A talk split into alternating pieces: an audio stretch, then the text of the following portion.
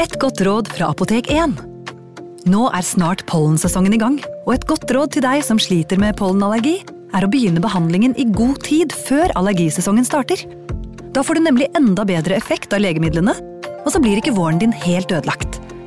Kom innom og få råd på ditt nærmeste Apotek 1, eller chat med oss på apotek1.no.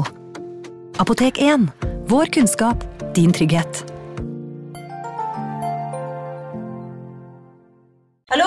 Jeg kommer fra Oslo politikammer. Ine Jansen er purk. Er du purk? The motherfucking bitch. Alt jeg vil, er å finne ut hva som skjedde med mannen min. Jon Carew. Er jeg sikta for noe? Iben Akeli. Det er du. Ole So, Lars Berrum og Big Daddy Karsten. Hvem sin side er du på, egentlig? Anette Hoff, Tone Danielsen, Kommer du fra Afrika? Jørnis Josef, Nesten kløfta. Trond Espen Seim, Det er synd å si det, men det var feil mann som døde. Purk. Premiere tirsdag på TV2 Play. Ungsamtalen fra DNB er økonomisk veiledning tilpasset deg som er ung. Bokk en ungsamtale på dnb.no. slash ung. Det er kjempebra hvis du skal inn på boligmarkedet, hvis det er drømmen din, liksom. Det er det du skulle sagt. Og så kunne du ropt litt mer, da, sånn som jeg gjorde. Bam! Advarsel. Denne podkasten inneholder skildringer av ekte drap og kriminalsaker som kan være støtende for enkelte. Det advares også mot sterke inntrykk i deler av episoden. The Yorkshire Ripper terroriserte Storbritannia på 1970- og 1980-tallet. Kvinner ble drept på åpen gate i sine egne nabolag, og alle begynte å frykte for sine koner og barn. Først hadde prostituerte vært hans foretrukne ofre, men snart følte ingen kvinner seg trygge. Hvem som helst kunne bli hans neste offer, og snart turte ingen å gå ut alene om kvelden i Yorkshires gater. De ble alle funnet på samme måte. Hodene slått inn med en hammer, og kroppene deres mutilert på bestialsk vis. Det var håndverket til en brutal og kaldblodig drapsmann. Til tross for hans lite raffinerte fremgangsmåte sto politiet uten ledetråder i saken, og The Yorkshire Ripper kunne drepe uforstyrret i en årrekke. Han ble oppkalt etter sin forgjenger Jack the Ripper, men tok livet av langt flere. The Yorkshire Ripper viste ingen nåde for verken kvinner eller barn. Han var nemlig på et oppdrag fra Gud. Velkommen til True Crime Podden.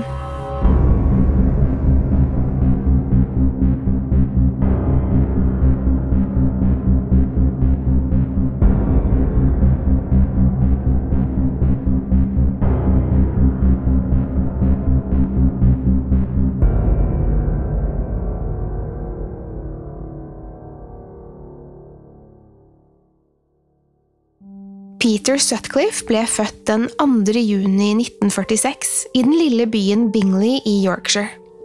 Bingley var et idyllisk sted å vokse opp. Frodige skoger omkranset byen, og elver rant gjennom det britiske landskapet. Mursteinshusene i rødt, beige og sort preget byens fargepalett. Peter vokste opp sammen med foreldrene John og Kathleen Sutcliffe og hans fem søsken. De var en typisk arbeiderklassefamilie, og barna så lite til faren sin. Peters far John tilbrakte mesteparten av dagen på jobb. Da han først hadde fri, foretrakk han å gå ned på den lokale fotballpuben fremfor å tilbringe tid med familien. Peter var den eldste i flokken og hjalp ofte lillebroren Carl med alt det faren ikke hadde tid til. Peter forgudet riktignok moren sin og diltet etter henne fra første stund. John og Kathleens forhold var anspent og preget av Johns dominante personlighet. John styrte familien med en jernhånd og var så streng at en av Peters søstre hadde sagt at hun drømte om å drepe ham. John var notorisk sjalu på Peters mor Kathleen og beskyldte henne stadig for å være utro. John hadde ikke like strenge regler for seg selv. Han var flørtende og befølte gjerne unge jenter dersom de sto for nærme ham. John var en storvokst mann med en sterk tilstedeværelse. Peter var liten av vekst og stille av seg, noe som irriterte John. Han følte at sønnen alltid ville forbli en liten pinglete gutt. Peter var livredd for faren sin, men tok som regel morens side i enhver feide som oppsto. Peter ble også mobbet på skolen som følge av at han var liten og sped. I tillegg var han sjenert og introvert, og han fikk aldri mange venner blant medelevene. Mobbingen ble til slutt så plagsom at Peter begynte å gjemme seg for å slippe å dra på skolen. Da foreldrene hørte om dette, kontaktet de skolen, og mobbingen tok slutt. Selv om han ikke lenger ble plaget like mye, trivdes fortsatt ikke Peter på skolen. Han var ensom og følte seg som et utskudd. Han endte derfor opp med å droppe ut av skolen som 15-åring. Til tross for at Peter mislikte faren sin, kunne han ikke unngå å beundre John.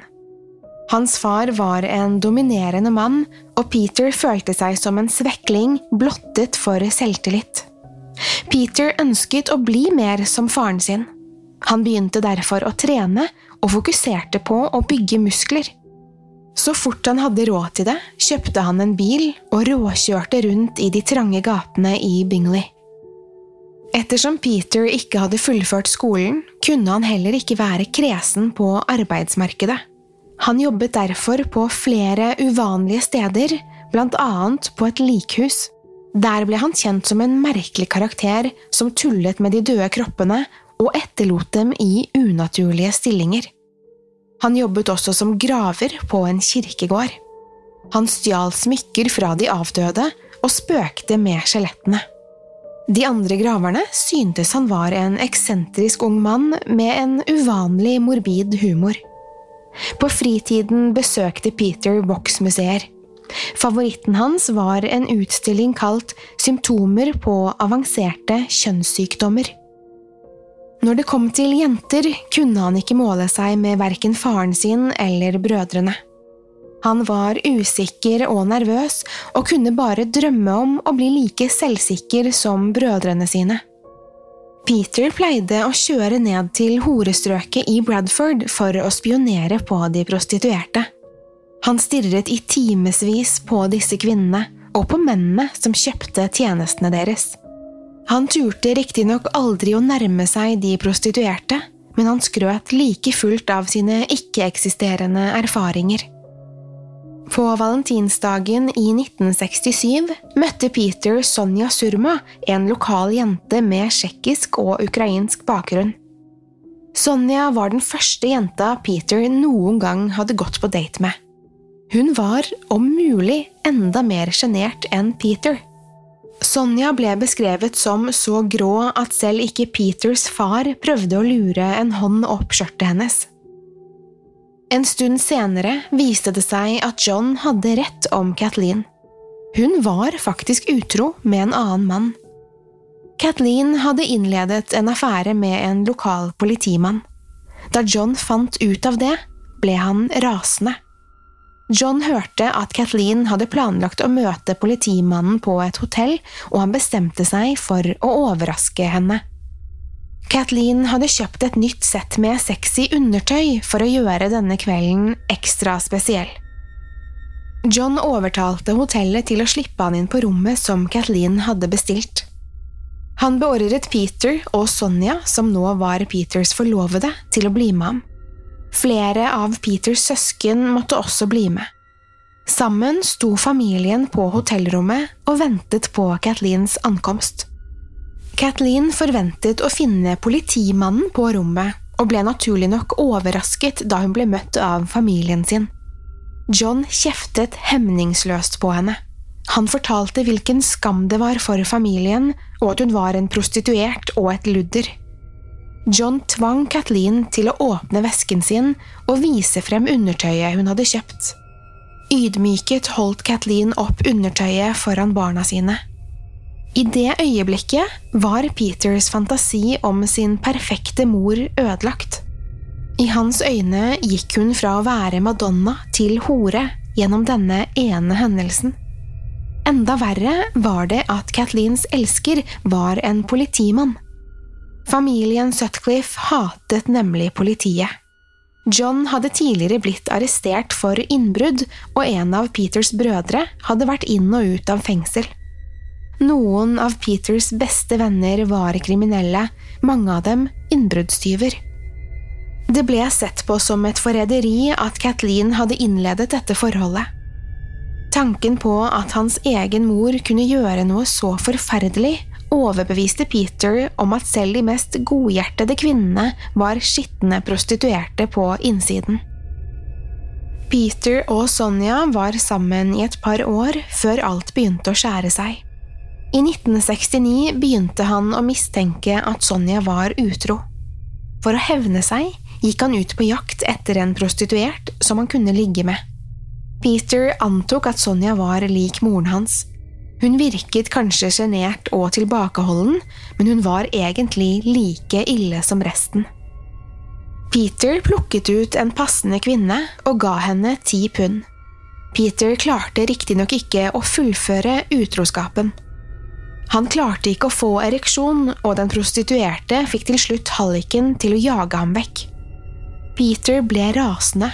Han kunne ikke tro at han hadde blitt svindlet av en simpel prostituert. Noen måneder senere overfalt Peter en prostituert. Han hadde først lagt merke til denne kvinnen da han så etter hun som stjal pengene hans. Han kjørte rundt med kompisen Trevor Birdsall da han fikk øye på henne. Han fulgte etter henne inn i en garasje og slo henne i hodet med en murstein han hadde puttet opp i en sokk. Dagen etter kom politiet på døra. Kvinnen hadde notert ned registreringsnummeret på bilen til Trevor. Peter Sutcliffe innrømmet at han hadde slått henne, men han nektet for å ha angrepet henne med mursteinen. Kvinnen ønsket ikke å gjøre noe mer ut av saken ettersom hun var en kjent prostituert og ektemannen hennes satt i fengsel.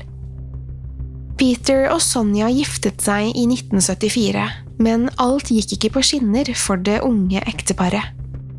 Som følge av Peters ustabile arbeidsliv var paret nødt til å flytte inn hos Sonjas foreldre.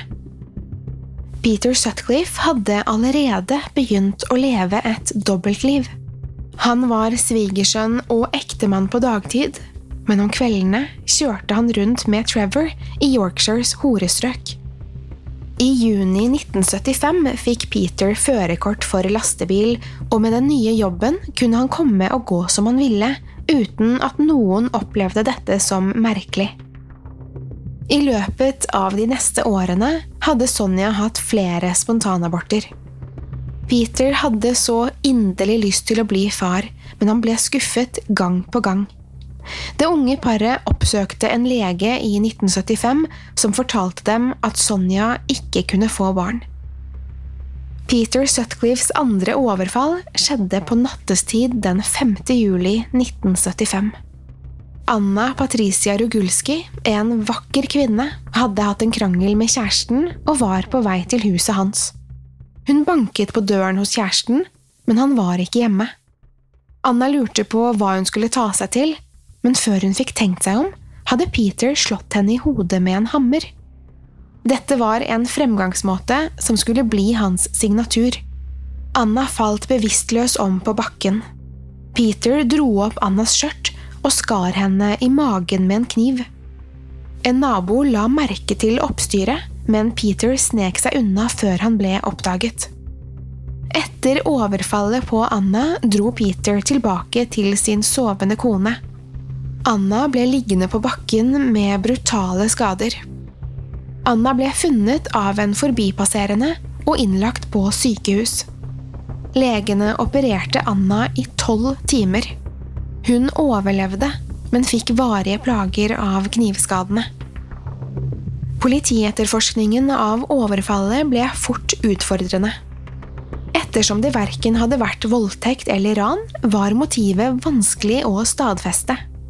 Naboen beskrev gjerningsmannen som 1,70 høy, i slutten av 20-årene og ikledd en treningsjakke. Beskrivelsen var altfor vag til at politiet fikk noe å gå på i etterforskningen. En måned senere, den 15. august, dro Peter og Trevor til Halifax for å ta et par pils. Peter fikk øye på Olive Smelt, en 46 år gammel tobarnsmor. Olive var ute med venninnene sine, mens ektemannen hennes var hjemme med barna. Rundt midnatt var Olive på vei hjem. Peter og Trevor kjørte rundt i nabolaget, og Peter ba Trevor om å stoppe da han fikk øye på Olive. Han hoppet ut og fulgte Olive inn i en bakgate. Han slo Olive i hodet med en hammer, og hun falt om. Peter fant fram en kniv og skar Olive i korsryggen. En bil kjørte forbi, og Peter ble nervøs. Han så seg nok en gang nødt til å avbryte overfallet. Han forlot Olive og satte seg inn i bilen til Trevor igjen. Olive overlevde, men som Anna ble hun aldri den samme igjen. Hun slet med traumer fra overfallet og falt inn i en alvorlig depresjon. Den samme måneden, 27. august, angrep Peter nok et offer. Det var en varm sensommerkveld i Sildsen. 14 år gamle Tracy Brown var på vei hjem til foreldrene sine. Peter gikk forbi Tracy og latet som at også han bodde i den lille landsbyen. Han gikk ved siden av henne i en halvtime. Da Tracy nærmet seg hjemmet sitt, dro Peter frem hammeren og slo Tracy fem ganger i hodet. En bil passerte ham, og Peter løp av gårde i panikk, livredd for å bli oppdaget. Tracy fikk alvorlige skader. Hun måtte hastes til sykehuset, der hun fikk hjernekirurgi. I september begynte Peter i en fast jobb som budbringer. En måned senere, 29. oktober, overfalt Peter den 28 år gamle Wilma McCann. Wilma var en firebarnsmor fra Skottland som hadde vært ute på byen. Hun prøvde å haike hjem, og Peter plukket henne opp. Peter fant frem hammeren og slo Wilma to ganger i hodet. De harde, presise slagene var nok til å sette henne ut av spill. Dermed kunne Peter uforstyrret gå til angrep med kniven. Denne gangen var det ingen distraksjoner. Ingen vitner. Ingen passerende biler. Han førte kniven inn i henne. Først én gang. Han likte hvordan det føltes. Så stakk han henne igjen og igjen og igjen. Før han var ferdig, hadde han stukket Wilma hele 15 ganger. Wilma McCann døde av de omfattende skadene, og ble med dette Peter Sutcliffes første drapsoffer. Politiet var bekymret for de mange tilfeldige overfallene. Etter drapet på Wilma fryktet de nå at de sto ovenfor en drapsbølge. Politiet iverksatte en omfattende etterforskning, og mer enn 150 politibetjenter ble satt på saken. De utførte 11 000 intervjuer men klarte ikke å finne ut av hvem som hadde drept firebarnsmoren. I januar 1976 drepte Peter Sutcliffe på nytt. 42 år gamle Emily Jackson ble overfalt og knivstukket hele 52 ganger. Emily var trebarnsmor og drev en familiebedrift sammen med ektemannen. Bedriften tapte riktignok penger, og familien var desperate etter alternative måter å brødfø barna på. Etter å ha diskutert alternativene med ektemannen, bestemte hun seg til slutt for at hun skulle prostituere seg. Peter plukket opp Emily og tok henne med til en forlatt bygning. Han hadde etter hvert blitt trygg på sin fremgangsmåte. Han slo henne i hodet med hammeren for å sette henne ut av spill. Peter fant deretter fram en skarp skrutrekker og stakk henne i halsen, brystet og magen. Han trampet også på kroppen hennes med føttene, som etterlot et avtrykk etter skoen hans på Emilys lår. I mai det samme året angrep Peter den 20 år gamle Marcella Claxton. Hun var på vei hjem fra en fest da Peter stanset og tilbød henne å sitte på med ham. Hun takket ja til tilbudet, og Marcella satte seg frivillig inn i bilen. Da hun ba Peter om å stoppe så hun kunne gå på do, slo han henne i hodet. Marcella overlevde angrepet, men det viste seg at hun var gravid og mistet barnet som følge av overfallet.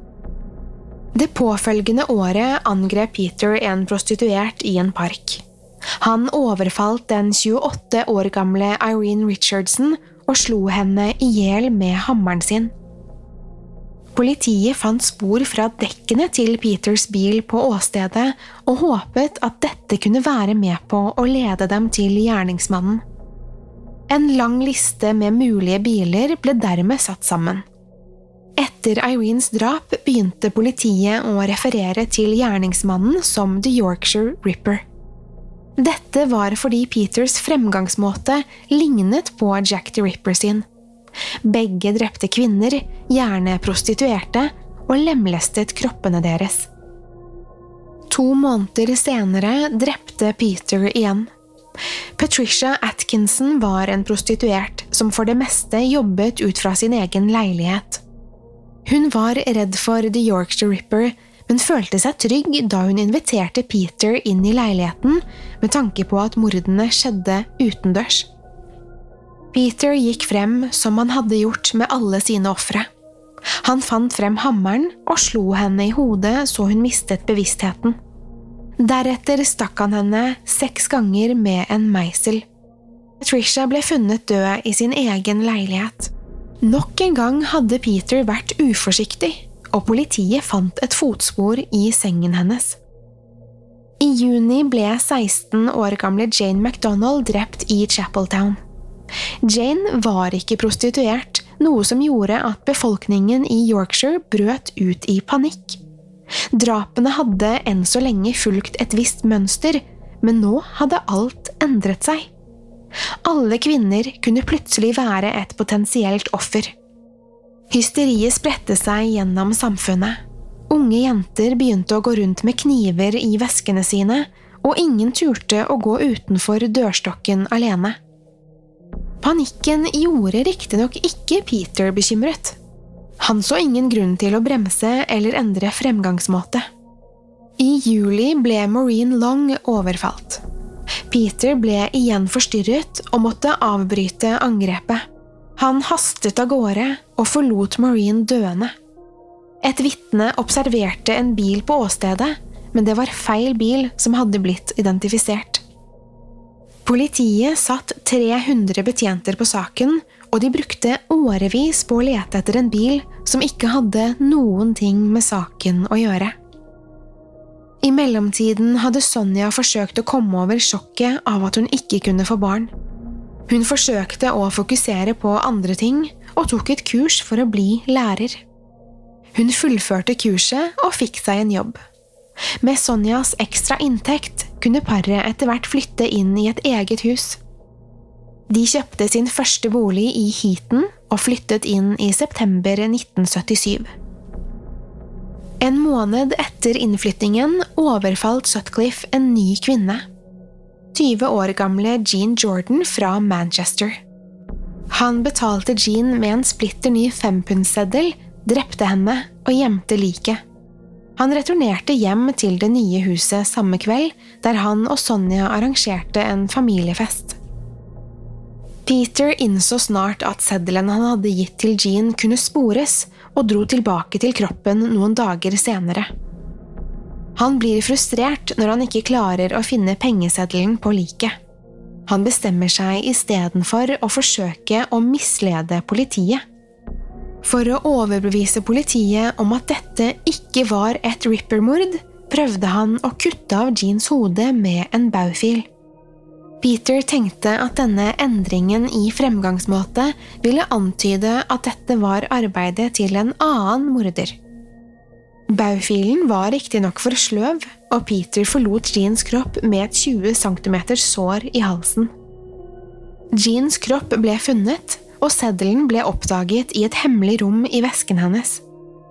Politiet kunne dermed begynne å spore opp hvor den hadde blitt utsendt.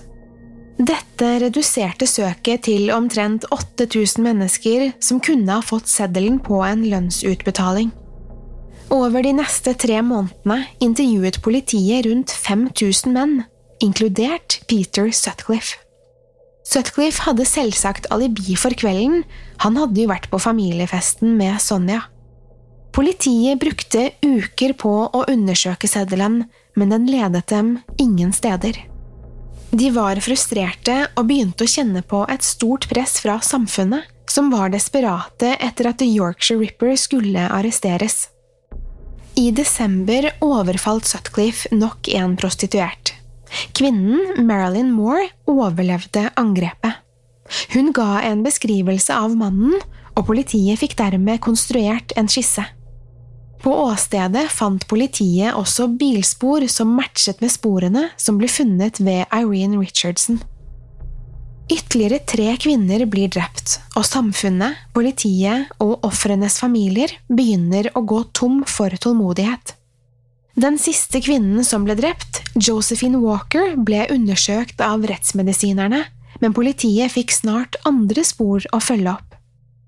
Kort tid etter Josephines drap mottok politiet en kassett med en beskjed direkte til assisterende sjefskonstabel George Oldfield. På båndet var det en stemme som sa, Jeg er Jack. Jeg ser at du ikke har noe hell i å fange meg. Jeg har stor respekt for deg, George, men gud, du er ikke noe nærmere å fange meg nå enn for fire år siden, da jeg begynte. Basert på kassetten begynte politiet å lete etter en mann med Wearside-aksent. Personen ble kalt Wearside Jack og sendte to brev til politiet og The Daily Mirror for å skryte av forbrytelsene sine. Brevene ble signert Jack the Ripper, og denne Jack tok blant annet på seg skylden for drapet på Joan Harrison, som hadde skjedd flere år tidligere. Jakten på Wearside Jack sendte politiet ut på en lang jakt etter feil mann. Mens politiet fulgte opp dette sporet, fortsatte Peter Sutcliffe å overfalle kvinner i Yorkshire. Sutcliffe drepte i denne perioden 20 år gamle Barbara Leach, en student fra Bradford. Kroppen hennes ble dumpet under en haug med murstein i nærheten av Barbaras studentbolig. Barbara var, som Jane, ikke en prostituert, som igjen skremte lokalbefolkningen. Sutcliffe ble intervjuet av politiet minst to ganger i 1979. Han ble riktignok aldri vurdert som en mistenkt i saken, dette til tross for at han lignet skissen av gjerningsmannen og var på listen over navn i forbindelse med fempundseddelen. I april 1980 ble Peter Sutcliffe arrestert for fyllekjøring. Mens han ventet på å stå for retten, ble to nye kvinner drept, Margaret Walls og Jacqueline Hill. Senere samme året meldte Peters gamle venn Trevor han til politiet. Dette tipset forsvant i en bunke med papirer og ble aldri fulgt opp. I begynnelsen av 1981 ble Peter Sutcliffe stoppet av politiet. I bilen hadde han med seg en prostituert, den 24 år gamle Olivia Reavers. Politiet oppdaget at skiltene på Peters bil var falske, og han ble arrestert og tatt med til Dewsbury politistasjon. På stasjonen ble han stilt spørsmål om The Yorkshire Ripper ettersom at han lignet på fantomskissen. Dagen etter arrestasjonen dro politiet tilbake til stedet der Peter ble stoppet. Der fant de en kniv, en hammer og et tau som han hadde kastet fra seg da han snek seg vekk fra politiet for å tisse. På politistasjonen hadde Peter igjen bedt om å få gå på do, noe han fikk lov til. Peter hadde brukt denne anledningen til å gjemme en annen kniv i sisternen på toalettet.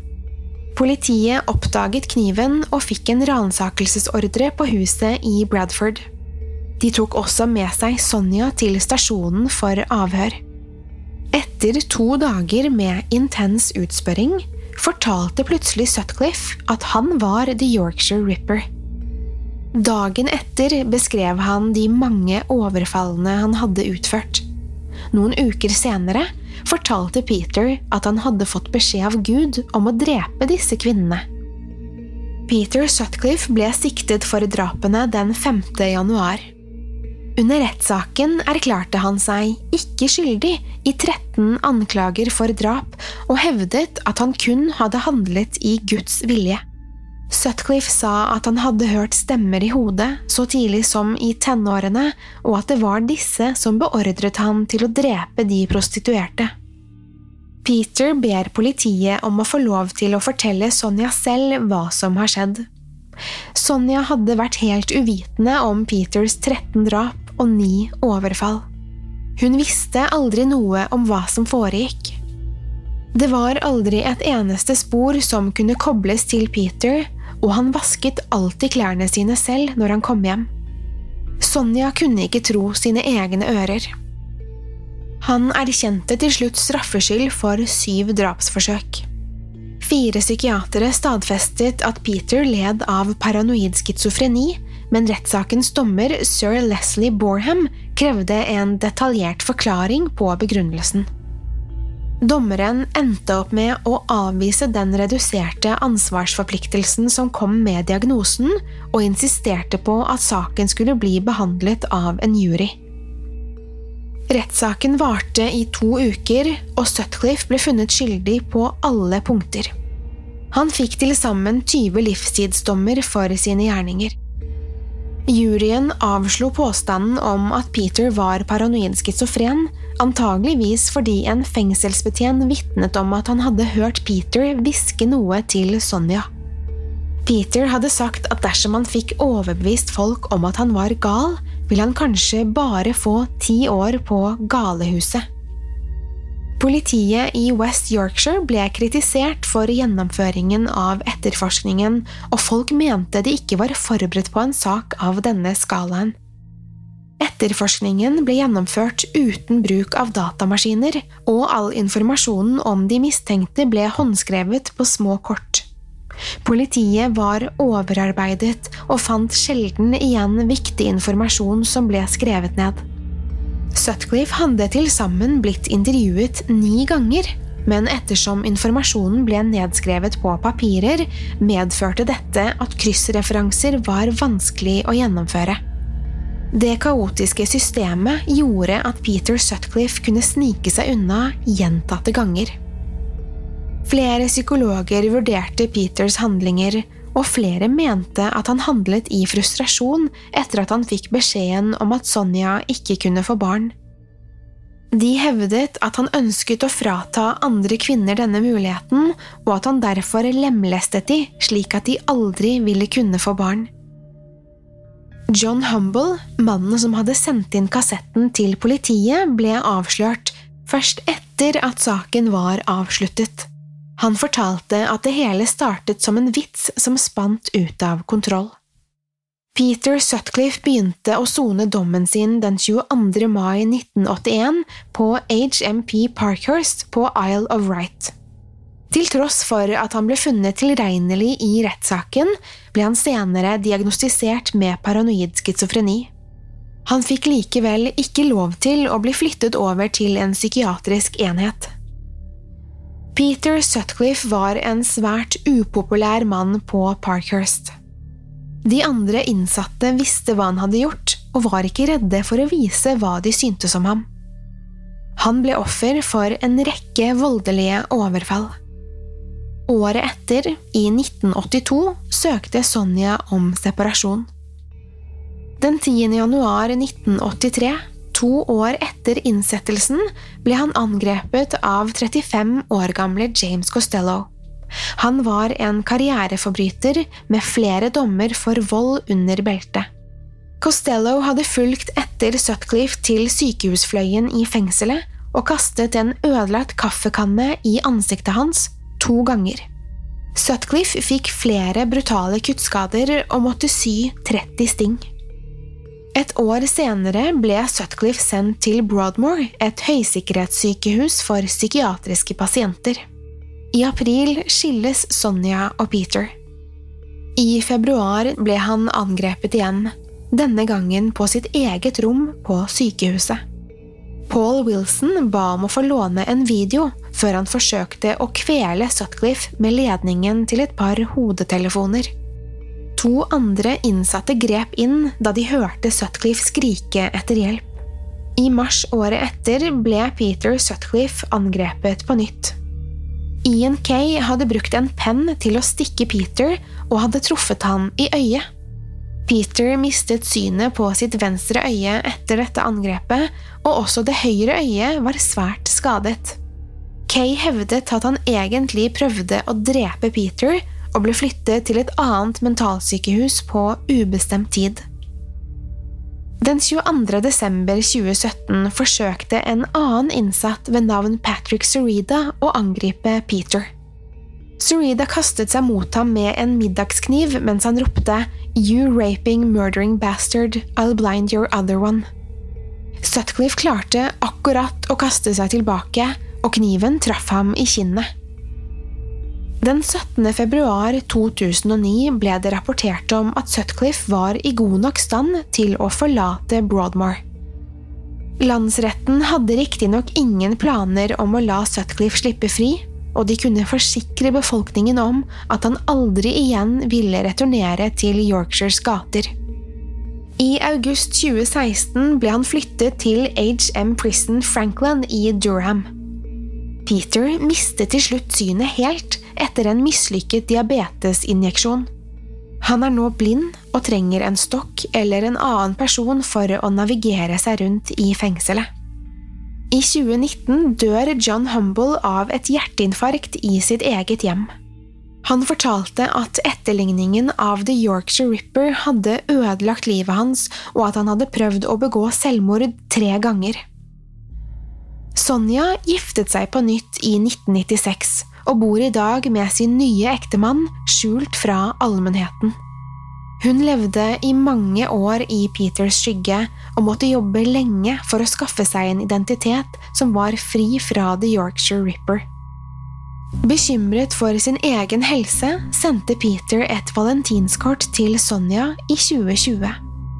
Han ba henne om å besøke ham og skrev at han var svært opprørt over tanken på at han aldri skal få se henne igjen.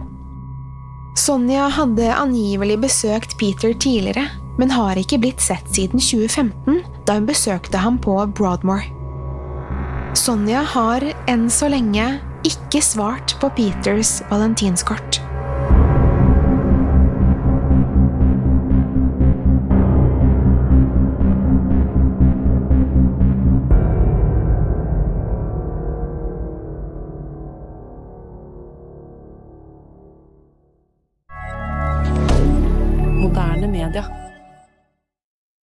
Har du et enkeltpersonforetak eller en liten bedrift? Da er du sikkert lei av å høre meg snakke om hvor enkelt det er med kvitteringer og bilag i fiken, så vi eh, gir oss her, vi. Fordi vi liker enkelt. Fiken superenkelt regnskap. Hei! Takk for at du lytter til True Crime Podden. Skulle du ønske at du kunne høre en ny episode av denne podkasten hver eneste uke? Vel, da er det bare å laste ned podkastappen Untold med en gang. I tillegg til ukentlige episoder av podkaster som Skrekkpodden, Synderne og Henrettelsespodden, får du masse annet reklamefritt og eksklusivt innhold. Last ned Untold i AppStore eller Google Play, og start din 30 dagers prøveperiode i dag.